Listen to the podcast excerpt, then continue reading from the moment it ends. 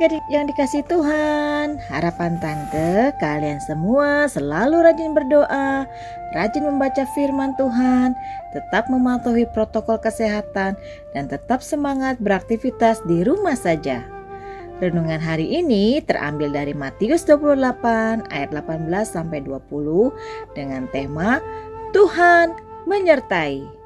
Semoga renungan ini dapat menjadi berkat bagi kita semua. Mari kita berdoa minta penyertaan Tuhan. Bapa di surga, kami mau mendengarkan firman-Mu. Kami mohon penyertaan-Mu agar kami bisa memahami firman Tuhan dan melakukannya dalam hidup kami. Dalam nama Tuhan Yesus, amin. Matius 28 ayat 18 sampai 20. Yesus mendekati mereka dan berkata, Kepadaku telah diberikan segala kuasa di sorga dan di bumi. Karena itu, pergilah, jadikanlah semua bangsa muridku, dan baptislah mereka dalam nama Bapa dan Anak dan Roh Kudus.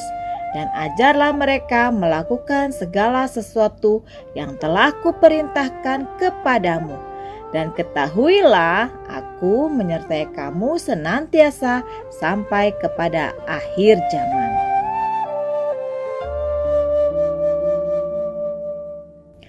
Adik-adik, Tuhan Yesus berpesan di dalam Matius 28 ayat 19 sampai 20 yaitu berisi pesan-pesan dan perintah yang disampaikan langsung kepada murid-muridnya.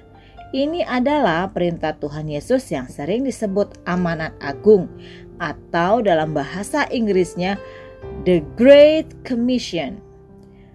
Pergilah jadikanlah semua bangsa muridku dan baptislah mereka dalam nama Bapa, Anak, dan Roh Kudus dan ajarlah mereka melakukan segala sesuatu yang telah kuperintahkan kepadamu.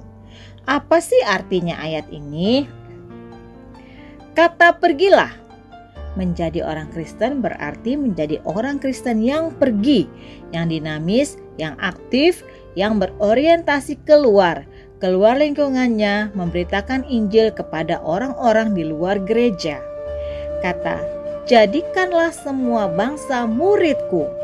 Yesus tidak rasialis, tidak diskriminatif, tapi Yesus menginginkan semua bangsa menjadi muridnya, bukan hanya menjadi Kristen. Menjadi murid berarti mengikuti dan melakukan.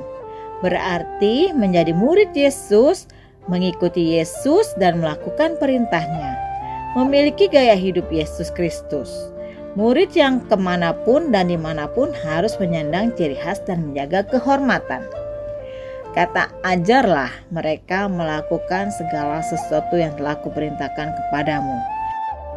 Sebelum mengajar orang lain untuk melakukan segala sesuatu yang telah diperintahkan Tuhan, kita juga harus belajar untuk melakukan perintah itu dalam kehidupan kita sehari-hari.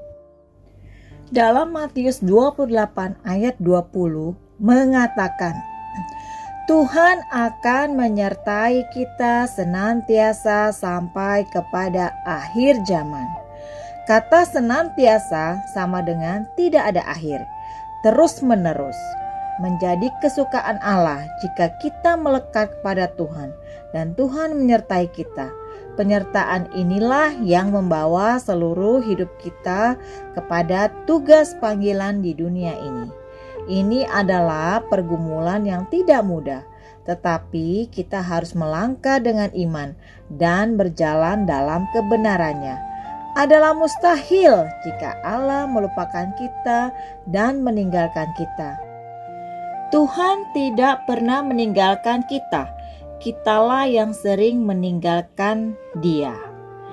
Di buku renungan adik-adik, kita bisa lihat ilustrasi gambar orang yang sedang bergumul berat. Dalam pergumulannya, orang tersebut bertanya, "Di manakah Tuhan berada?"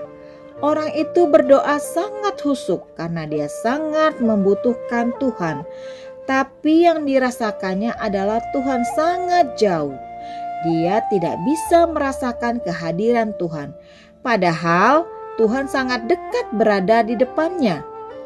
Di usia adik-adik yang masih kecil sekarang ini, adik-adik belum pernah merasakan pergumulan yang berat seperti orang tersebut.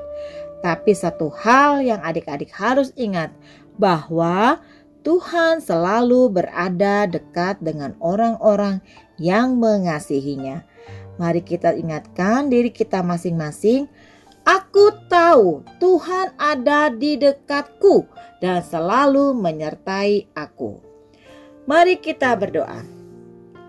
Bapa di surga, terima kasih karena Tuhan selalu ada di dekat kami dan tidak pernah meninggalkan kami. Terima kasih ya Tuhan, dalam nama Tuhan Yesus. Amin. Demikian renungan hari ini. Selalu ingat, Tuhan selalu ada dekat dengan adik-adik semua. Tuhan memberkati.